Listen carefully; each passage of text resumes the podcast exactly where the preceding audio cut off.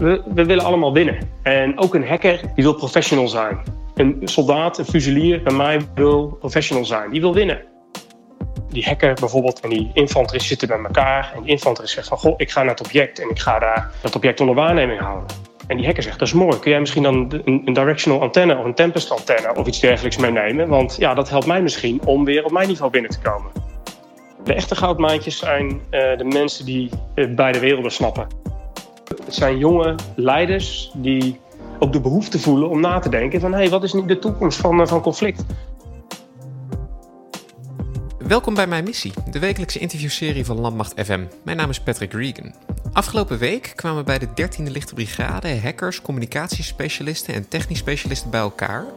Zij dachten na over hoe uh, succesvol te zijn in het conflict van vandaag en van morgen. Nou, over die uh, oefening, over de ervaringen en over de uitkomsten spreek ik vandaag met overste George Dimitriou. Ik begin met welkom, George. Ja, dankjewel. Ik wilde eigenlijk beginnen met, je bent uh, bataljonscommandant van het 17e Panzer Infanteriebataljon. Een eenheid die, uh, en generaal Koot, uh, generaal Gerard Koot, die zei dat ooit perfect in deze, deze podcast, vooral moet kunnen vechten. en dan zit je opeens in een, moet ik het een oefening noemen, over, over cyber en communicatie. hoe komt dat? Ja, goede vraag. Inmiddels is Gerard Koot overigens vervangen door de generaal Jan Willem Maas. Die staat daar overigens niet anders in. Hè. Wij zijn een eenheid uh, en onze kerntaak is, is vechten. En ik ben inderdaad de commandant van een uh, vechtbataljon. Alleen ja, uh, de vraag die, die wij ons stellen, die we ons denk ik ook moeten stellen. Ja, hoe win je nou in het conflict van vandaag en morgen? En vechten is daar nog steeds een belangrijk onderdeel van. Dat is ook nog steeds onze kerntaak. Alleen ja, de context verandert. Dus ja, de manier waarop je vecht. En als de tools in de toolbox uh, veranderen, dus dat er ook andere wapens uh, bij komen, ja, dan zul je daar denk ik wat mee moeten doen. En dat is eigenlijk de, het vertrekpunt geweest voor uh, ons experiment.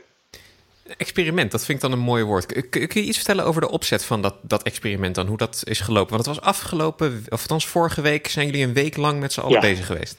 Ja, dat klopt. Misschien moeten we wat, wat verder terug. Want vorige week zijn we inderdaad bij elkaar gekomen met eigenlijk met infanteristen, met communicatiespecialisten, met hackers. Om met elkaar eens na te denken over oké, hoe zouden we nu samen met elkaar uh, optreden? Hoe ziet dat er in de praktijk op de werkvloer uh, uit? Maar voordat ik, daarmee, uh, voordat ik daarover vertel, zou ik graag willen zeggen, ja, waar komt dat dan vandaan? Ik zat een paar maanden geleden, eigenlijk al lang, een half jaar geleden, zat ik in een opleiding met mijn mede-bataljonscommandanten. En daar hadden we onder andere uh, les en, en, spraken we onder andere over tactiek. En ja, hoe ben je nu succesvol? En we waren daar met elkaar over het gesprek. En, en dat ging natuurlijk, ik vind dat mooi, hè? Dan praten we, oké, hoe, hoe, hoe, kun je nou je doelstelling bereiken? Wat is je rol als commandant? En ja, uh, we spraken situaties in, waar we in, in bosgebieden met eenheden voorwaarts gingen. En uh, ja, op die manier vechten en wilden winnen. En gedurende die discussie hadden we op een gegeven moment zoiets met elkaar van ja, dat is mooi dit. Maar ja, het gevecht van vandaag ziet er misschien wel anders uit. Kijk naar de Krim. Kijk naar de Oekraïne. Uh, kijk naar wat er verder in het oosten gebeurt. En als, stel je nu eens voor dat we met de VGTF, de NAVO-flitsmacht, zouden worden ingezet. Zou het er dan ook zo uitzien? En toen hadden we eigenlijk met elkaar zoiets van ja, ja, misschien een klein gedeelte, maar heel veel ook niet. We zien ook heel veel andere dingen gebeuren. We zien dingen uh, met, in het digitale domein. We, zien uh, nieuwsberichten voorbij komen waarin we misschien wel worden beticht van allerlei uh, misstanden. Een heel concreet voorbeeld. Er zit een, een soldaat van mij zit in een, een schuttersput in een, in, een, in een stadje is hij aan het waarnemen. En opeens komt er iemand voorbij in, in burger, waarvan we niet zeker weten of het een burger is. En die begint te filmen. En met een, een heel vervelend bericht verschijnt dat kort daarop op Twitter en op social media. Hoe gaan we daar eigenlijk mee om? Dat was een hele mooie discussie, maar ja, de conclusie was wel een beetje van ja, we weten het eigenlijk niet zo. Dus we zien dat de wereld om ons heen uh, ja, die verandert, conflicten verandert. Alleen ja, wat is onze reactie uh, daarop? Ja, we weten het niet precies. En ja, uh, ik voel het toch als mijn verantwoordelijkheid als commandant. En dat, dat voelden mijn collega's ook, ook wel. ja, om daar toch iets mee te doen. Dus vandaar dat we gemeend hebben van, goh, als we dan weten dat het gevechtsveld van morgen dat dat in, in, in orde, in steden en in dorpen plaatsvindt. En als we weten dat daar allerlei digitale netwerken zijn. En als we weten dat daar mensen wonen.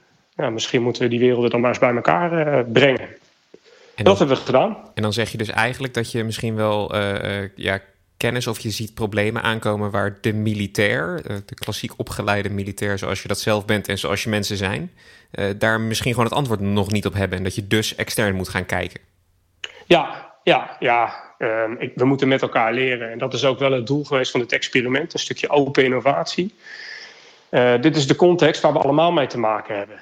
Sterker nog, het is niet eens alleen maar buiten Nederland. We zien ook de dingen hier. Vandaar ook nauwe betrokkenheid van de nationale politie. dat wat nou ja, hybride conflict noemen of grey zone of nou ja, geef, geef het een naam. Er worden vele populaire woorden gebruikt. Maar ja, dat is niet iets wat zich beperkt tot de landsgrenzen. En uh, nou ja, de politie heeft er soms. Uh, de politie heeft hier dagelijks mee te maken. En daarmee, daarvan kunnen we ontzettend veel leren. Dus vandaar dat we hebben besloten van... Goh, als we nu weten dat we inderdaad te maken hebben met een, hè, met een digitaal domein, met cyber. Als we weten dat we te maken hebben met mensen en nog steeds ook met uh, het fysieke domein, het is ook nog steeds hard vechten. Mm -hmm. Laten we die werelden nou eens uh, bij elkaar uh, brengen en zien wat dat voor ideeën oplevert hoe treden we samen op? En dat is eigenlijk het vertrekpunt geweest. En dat hebben we gedaan. We hebben gemeend om eens niet van tevoren een, een, dikke studie te schrijven of een, met allerlei briljante hypotheses. Maar eigenlijk hebben we gewoon gezegd: Weet je wat, we zetten ze in een ruimte, we geven ze een reëel scenario en een opdracht. We hebben bewust gekozen om het heel tactisch te houden, om heel praktisch. Oké, okay, jullie zitten nu in, in het oosten van Europa, de spanning neemt toe. En jullie gaan jullie zijn verantwoordelijk voor een gebied, verantwoordelijk om wat vitale infrastructuur te beveiligen en om een object, al of niet in samenwerking met lokale veiligheidstroepen, om die aan te pakken. Mm -hmm. En succes, en dat hebben we gedaan. En dat, was, dat leverde een hele boeiende, boeiende week op, kan ik je vertellen. Want hoe, hoe, komt dan de eerste, wat is dan de eerste reflex van de mensen die daar zitten als je dan zo'n opdracht krijgt? Je hoort dat dat moet gaan gebeuren. Waar beginnen mensen dan mee? Wat gaan ze doen? Ja, ja dat, was, uh, dat, was, dat was fascinerend om te zien. Kijk, um, door COVID uh, is de aanloop wat anders geweest. Want uh, we hadden wel zoiets van, ja, we moeten wel een beetje de mensen aan elkaar laten wennen. Want ja, de, de vechtsoldaat en de hacker ja, spreken niet automatisch dezelfde taal. Dat vermoeden hadden we al en dat werd ook wel een beetje bevestigd. Um, dus we hadden initieel het plan van, hey, weet je, we brengen die mensen eerst bij elkaar. Dus we beginnen met een, een een, eh, een goede barbecue, een voorstelronde. Nou, dan, doen we een week later doen we eens een, uh, dan noemen we een capability brief. Dus iedereen vertelt gewoon eens, goh, zo werk ik, zo plan ik en dit kan ik allemaal. En in de derde plaats doen we dan een demonstratie. Hè? Dus uh, de infanteristen die geven een rondleiding op de boksen, op onze voertuigen en hoe we optreden. En de hacker die vertelt wat hij doet. En de communicatiespecialist die doet dat. En we hadden ook nog interceptor, hadden we onder andere de politie. Nou, dat was een ontzettend goed plan, uh, moet ik zeggen. Alleen dat uh, is er niet uitgevoerd. ja, precies. Omwille van COVID. Nou, um, we hebben online natuurlijk wel wat dingen opgepakt. Want zo gaat het dan uh, tegenwoordig. We hebben toch besloten, hey, we gaan toch door met die tabletop. Um, ja, en dan loop je natuurlijk de eerste dagen tegen wat dingen aan. en ja, die culturen, hoe breng je die nu bij elkaar? Maar bijvoorbeeld ook heel concreet. Een militair plant over het algemeen vrij lineair stapje voor stapje voor stapje, uh, wetende na een vooraf vastgesteld moment dat hij daadwerkelijk voorwaarts gaat. Nou, hackers die doen dat echt heel andersom. Die zitten van, nou, we gaan gewoon beginnen en we gaan kijken wanneer ze er een kans voor doet en dan gaan we dingen doen. Dus het gaat uh, ja, veel dynamischer en er zitten veel meer feedback loops in. En veel meer afhankelijk van, ja, heel veel opportunity-based. Mm -hmm. Ja, dat leidde gelijk wel tot wat uh, discussie. En omdat je te maken hebt met mensen ook af en toe van, ja, maar, ja, maar hoe dan? Nou, gelukkig hadden we daar best wel een organisatie omheen om, uh, om dat toch goed te, te, begeleiden. Maar daar hebben we wel heel veel lessen uit getrokken. We zijn bijvoorbeeld nu bezig om te kijken hoe kun je die planningsprocessen op dat uitvoerende niveau, hoe kun je die nou afstemmen? Dat je het beste van beide werelden pakt. Want kun je dat misschien op de een of andere manier iets tastbaarder maken? Om, ja. uh, hoe, hoe werkt dat? Waar, waar, zit dat conflict dan precies in? Waar zit die uitdaging dan ja. eigenlijk in? Nou ja, uh, militaire plannen en operaties, zoals gezegd, eh, vrij lineair. Oké, we gaan eerst een plan maken, dan gaan we onze spullen pakken en dan gaan we een verkenningsploeg wegsturen. En die gaan nou ja, ergens naar kijken. Bijvoorbeeld in dit geval was dan, uh, dat, het, dat object uh, die ontmanteld moest worden. En die hacker, nou, die, die ziet die informatie, die gaat gelijk aan de gang met een IP-scan, die gaat gelijk aan de gang met op zoek naar kwetsbaarheden. Uh, ja, als hij toegang heeft, kan hij dus direct al beïnvloeden. Een camera overnemen of informatie weghalen. Of een bericht sturen naar, een, naar iemand van die cel om hem te beïnvloeden. Of, of wat dan ook. En dat kan dus direct. En ja, dat is ook niet helemaal met elkaar. En dat, uh, daar, liep, uh, daar liep het tegenaan. Is dat, is dat tastbaar genoeg zo? Of, uh... Ja, het is wel, is wel duidelijk. En ik denk dan ook dat als zo'n hacker bijvoorbeeld... Ehm, hij is eenmaal binnen, hij kan inderdaad dat soort dingen uitvoeren... dan is het ook niet zo dat hij daar heel lang mee wil wachten. Want het kan ook zomaar zijn dat hij er opeens weer uitgeschopt wordt. Dus daar zit dan denk ik ook het, ja. een beetje de druk in. Ja, ja absoluut. Uh, kijk, en wij zijn, en dat is sowieso uh, belangrijk. Als militairen moet je dus. Uh, aan de ene kant moet je. Uh, dat, dat, lineaire plan dat is nog steeds prima. Maar onze mindset moet ook zijn: oké, wat doen we met, met kansen die zich plots voordoen? Hè? En je kunt namelijk succes bereiken door een, een dogmatisch, een, een goed uitgewerkt plan te volgen. Dat kan. Maar misschien is het soms ook wel eens: hey, nu doet ze er geen kans voor. Wat zou het resultaat zijn als ik nu vanuit het zadel direct voorwaarts ga en dus leiding geef vanuit, ja, vanuit het zadel? En niet, uh, en niet uh, dit planningsproces afmaken. En ja, is, dat, is dat mogelijk? Ja, dat, dat kan, maar dat vergt wel wat training en ervaring. Dat zijn we niet, uh, dat zijn niet gewend. Leiding geven uit het zadel is iets wat dat, dat klinkt wel als een, ja, een flinke stap vooruit. Misschien ook juist voor de, de overste die de basis van, van de eenheid. Kijk, het is ook niet, uh, niet gemakkelijk. En, en zo'n experiment, hè, dat is mooi. Dat is natuurlijk stap 1 in, uh, in, in leren met elkaar. En uh, dat is nog niet af.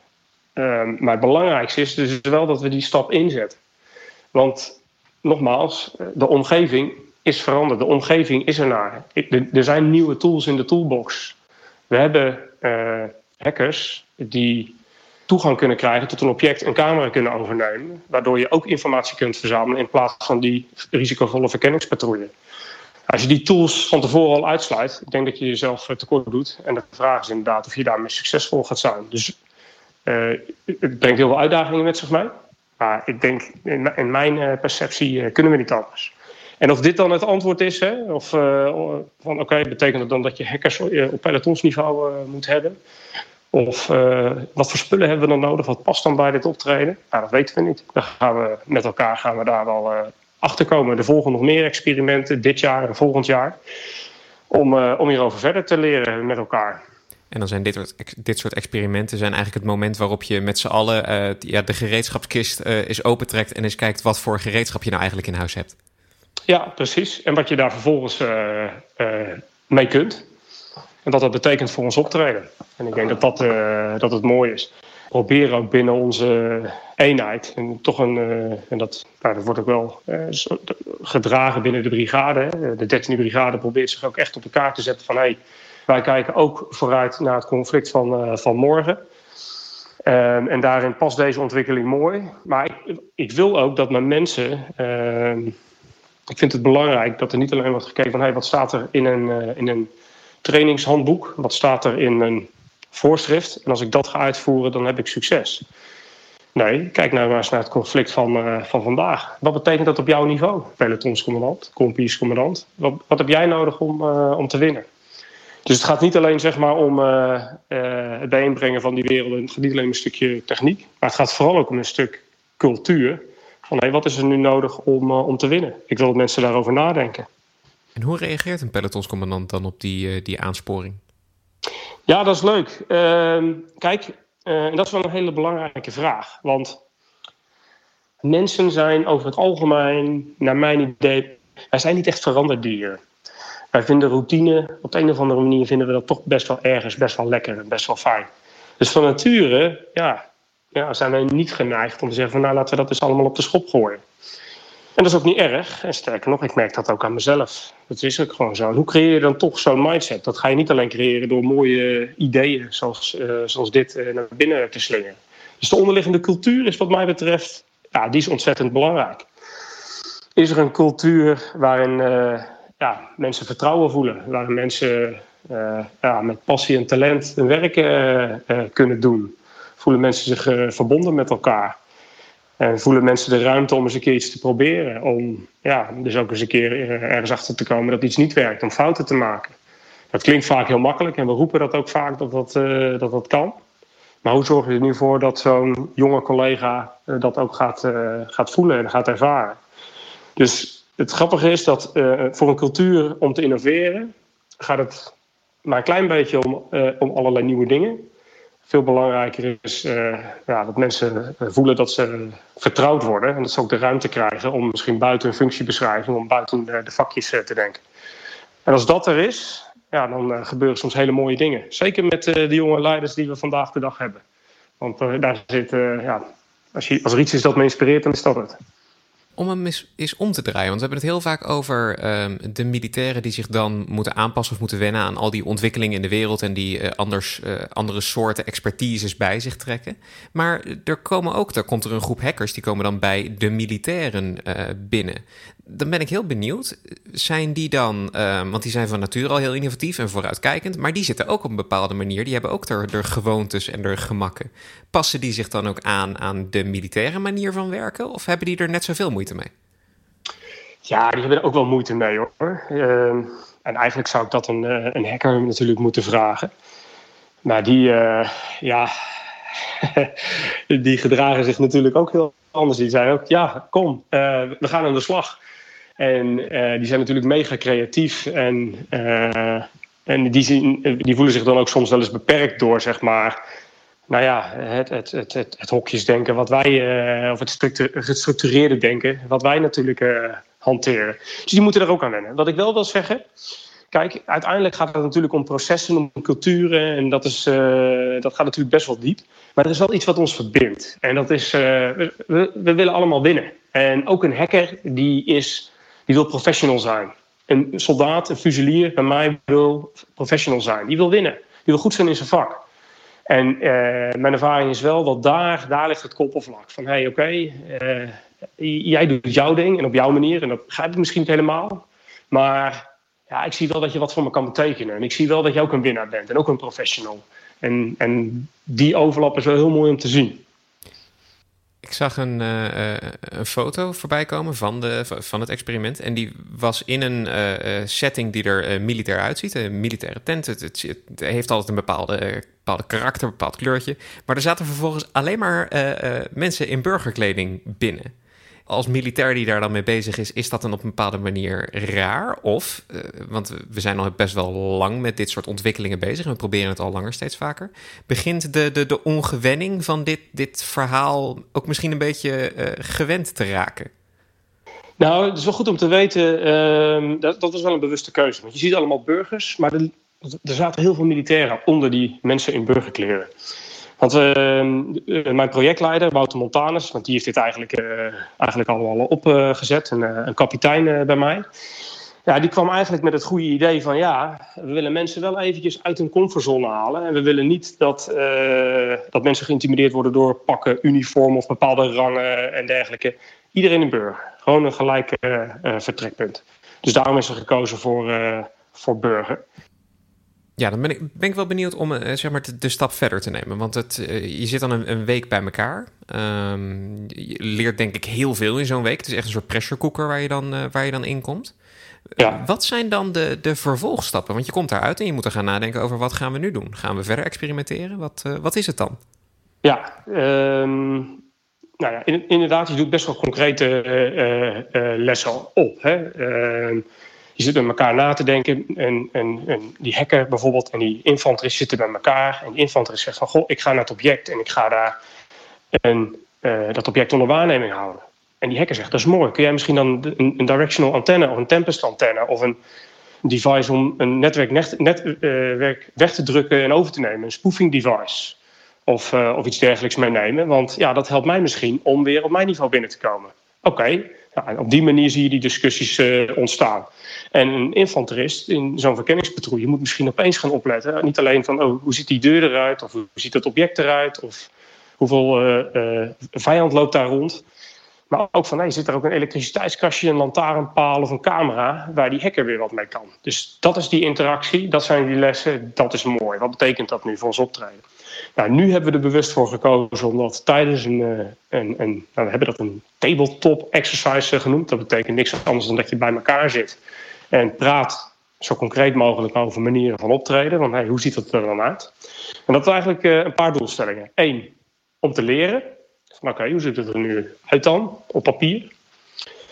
Twee is om het te visualiseren en het uit te dragen. Want nogmaals, we moeten dit met z'n allen doen. We moeten met z'n allen uh, leren.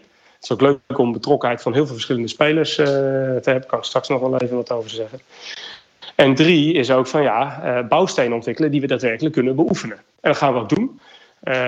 de dingen die uit de tabletop zijn gekomen, die worden nu omgezet in wat concrete dingen die we gaan beoefenen en ook demonstreren. Dus in september hebben we en in november hebben we weer de club bij elkaar. En dan gaan we daadwerkelijk dingen doen en vooral ook dingen laten zien. Dus dat, uh, dat gaan we doen. Het heeft uh, dus ook echt wel een uh, vervolg. Ja, je noemde net heel veel mensen bij elkaar. Hoe, hoeveel entiteiten, hoeveel soorten mensen hebben het dan over?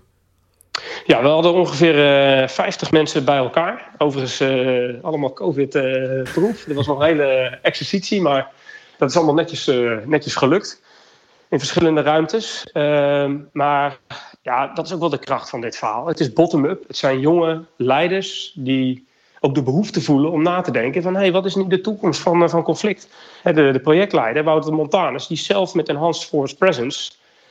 in Litouwen geweest. En die zag daar ook van, ja, we zijn hier alleen maar dingen eh, met, met, met voertuigen en in het fysieke domein aan het doen. Maar ondertussen gebeurt er van alles om ons heen. Aan berichten, aan beïnvloeding, aan digitale activiteiten. We moeten hier wat, uh, we moeten hier wat mee. Dus dat was erg leuk. Dus, uh, dat is ook eigenlijk zijn drive om, om, om hiermee aan de slag uh, te gaan.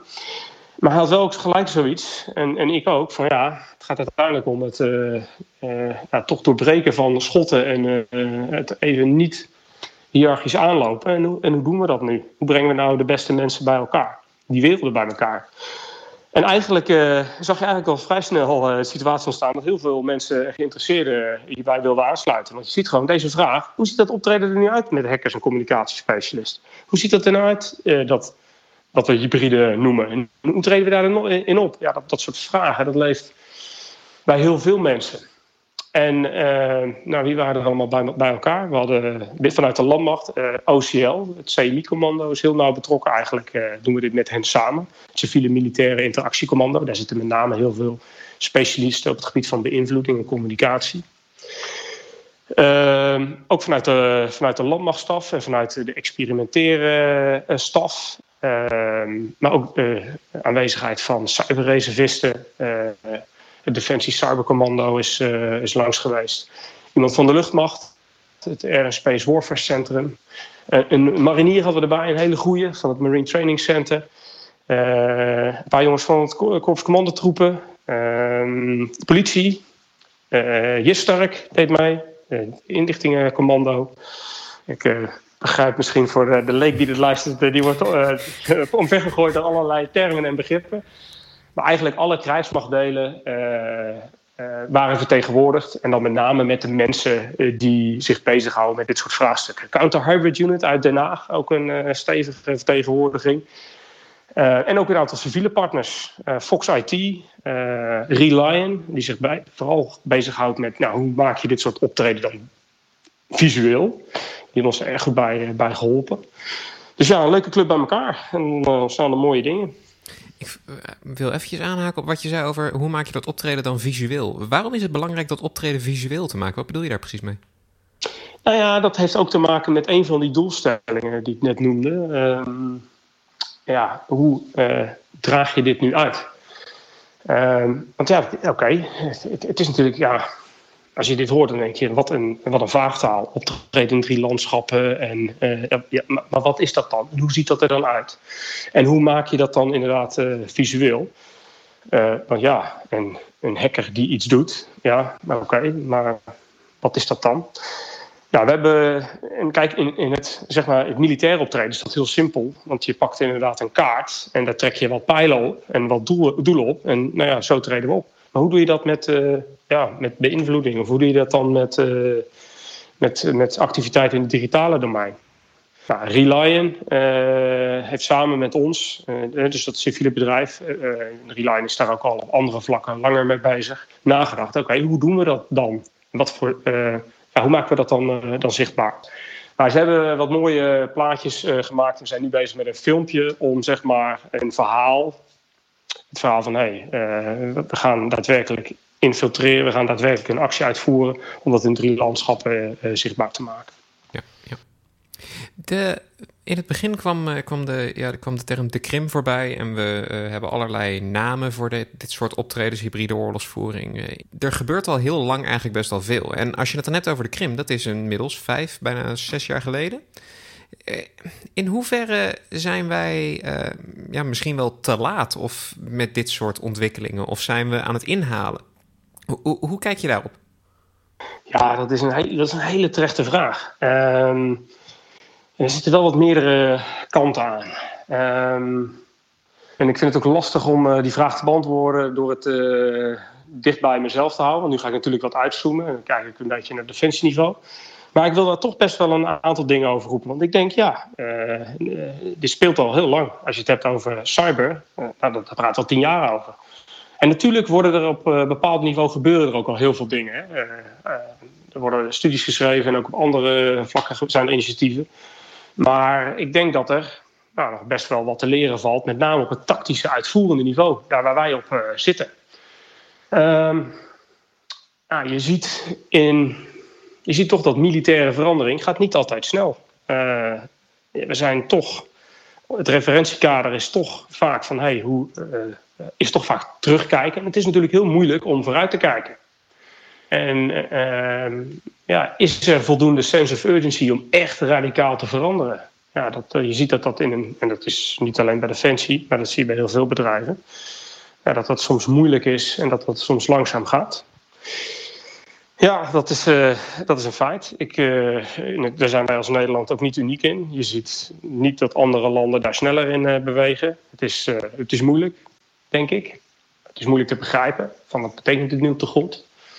Ja, en ja, er is toch wel een cultuur binnen krijgsmachten, denk ik, waarin we ja, vaak gebruik maken van de lessen van, ons voor, van het conflict voor ons en het moeilijk vinden om door te ontwikkelen naar het conflict dat na ons komt. Het is ook best wel lastig, hè? want wat pak je nou als benchmark? Is dat inderdaad de Krim?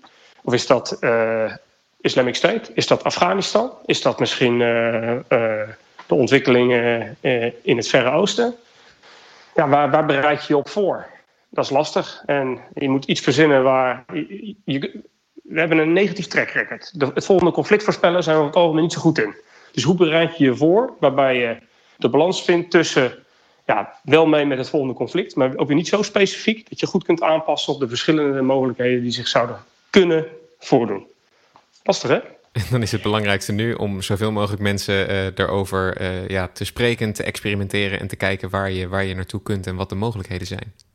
Ik wilde eigenlijk als laatste de vraag stellen aan de bataljonscommandant. Uh, want gaat het ooit gebeuren dat een bataljonscommandant hackers onder zich heeft? Dat we een peloton hackers hebben? Of dan misschien zelfs de pelotonscommandant een hacker in zijn peloton heeft?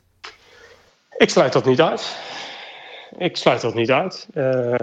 kijk, ehm, het zou zomaar eens kunnen dat een, uh, een pelotonscommandant over tien jaar uh, ja, wat prikkelband bij zich heeft en genisten. Wat vuursteunofficieren bij zich heeft en mensen die met vliegtuigen kunnen praten.